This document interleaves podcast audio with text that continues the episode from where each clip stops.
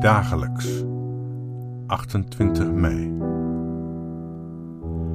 Hij is hier niet, hij is opgewekt. Dat is het wat de evangelisten allemaal gezegd laten worden bij het lege graf. Over dat lege graf heb ik in vorige podcast-uitzendingen al heel veel gezegd. Als je vraagt wat is er in werkelijkheid gebeurd toen, is een dode na drie dagen weer tot leven gekomen, dan loop je vast, want dat kan uiteraard niet. Ho, in werkelijkheid kan dat niet, maar in het verhaal kan het wel. En je dient dus het verhaal van de opstand en de opstanding met respect te behandelen. Het evangelie gaat daar namelijk over, over die kwestie die je kunt aanduiden als de fariseese leer van trouw aan de Torah en verzet tegen de keizer. De keizer in Rome was namelijk voor hen Farao 2.0 en in Torah gaat het in de kern over Exodus, over uittocht uit de slavernij en nee tegen Farao. Maar nu was de hele godganse wereld één grote samenleving. Dus, om het met de tekst van een liedje van Annie M. G. Te zeggen, vluchten kan niet meer. Ik zou niet weten hoe. Vluchten kan niet meer, ik zou niet weten waar naartoe. Dus de leer, om zo te zeggen, van de opstanding, waarbij de Caesar als slavenhouder op de dag van de opstanding de dag die komen zal, de dag des Heren, oog in oog zal komen te staan met alle slaven en slachtoffers die hij gemaakt heeft, zegt dat hij die confrontatie met de duizenden niet aan zal kunnen en zo uit de geschiedenis zal eh, verdwijnen. Geloof in de opstanding is dus voor Fariseeën een permanente opstand tegen de slavenhouder en trouw aan de Torah. Ontwaakt en sta op uit de dood met een beroep op de dag des Heren, op de dag van de opstanding, de dag die komt als het Messiaanse Rijk aanbreekt of uitbreekt of inbreekt of hoe je dat ook maar wil zeggen. In elk geval, Joods, Farisees geloof in de komst van Messias betekent dat alles nog op het spel staat. En daarom zeggen de evangelisten dat de Heer is opgewekt met het oog op en in het perspectief van de komende opstanding. Er is nog niets beslist, alles staat nog op het spel. Maar nu blijken er in die gemeente valse leraren te zijn, die willen doen geloven dat de scheiding tussen geredden en verlorenen al zou hebben plaatsgevonden. Dat het al duidelijk zou zijn wie behouden zijn en wie verloren gaan. En zij vinden van zichzelf uiteraard dat ze behoren tot de behoudenen, en van anderen dat die behoren tot de verlorenen. Het is een, een bekend schema: eh, wij wel en zij niet. Wij zijn goed en zij zijn slecht. Wij gelovig en zij ongelovig. En Paulus is daar wit heet om. Dan trek je het naar je toe. Dan doe je net alsof met Jezus de beslissing al gevallen zou zijn, in plaats van dat die beslissing nu komende is. En dat je al duidelijk kunt zien, nu al, uh, wie er wel en wie er niet. En, en dat levert volgens Paulus niets op dan woordenstrijd. Een soort orthodoxiedrang die nergens toe leidt.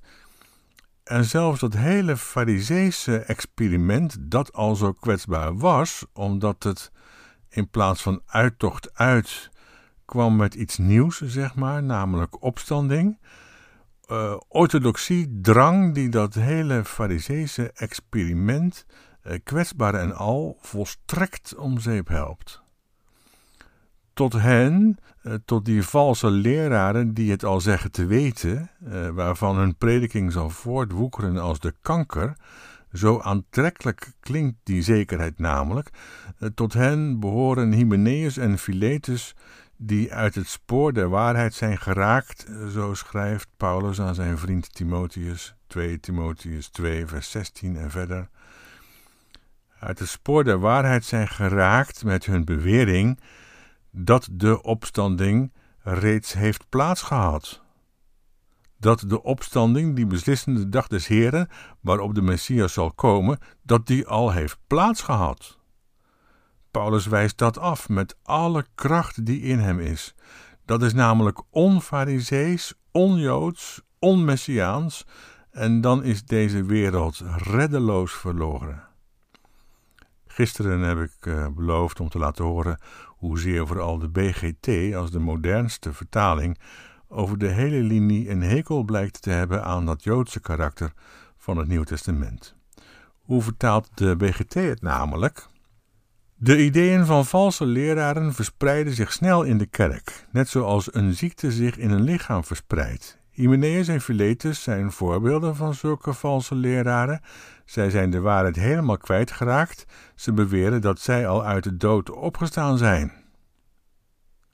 Hele vreemde vertaling. Paulus heeft het helemaal niet over de kerk, want die bestond nog niet.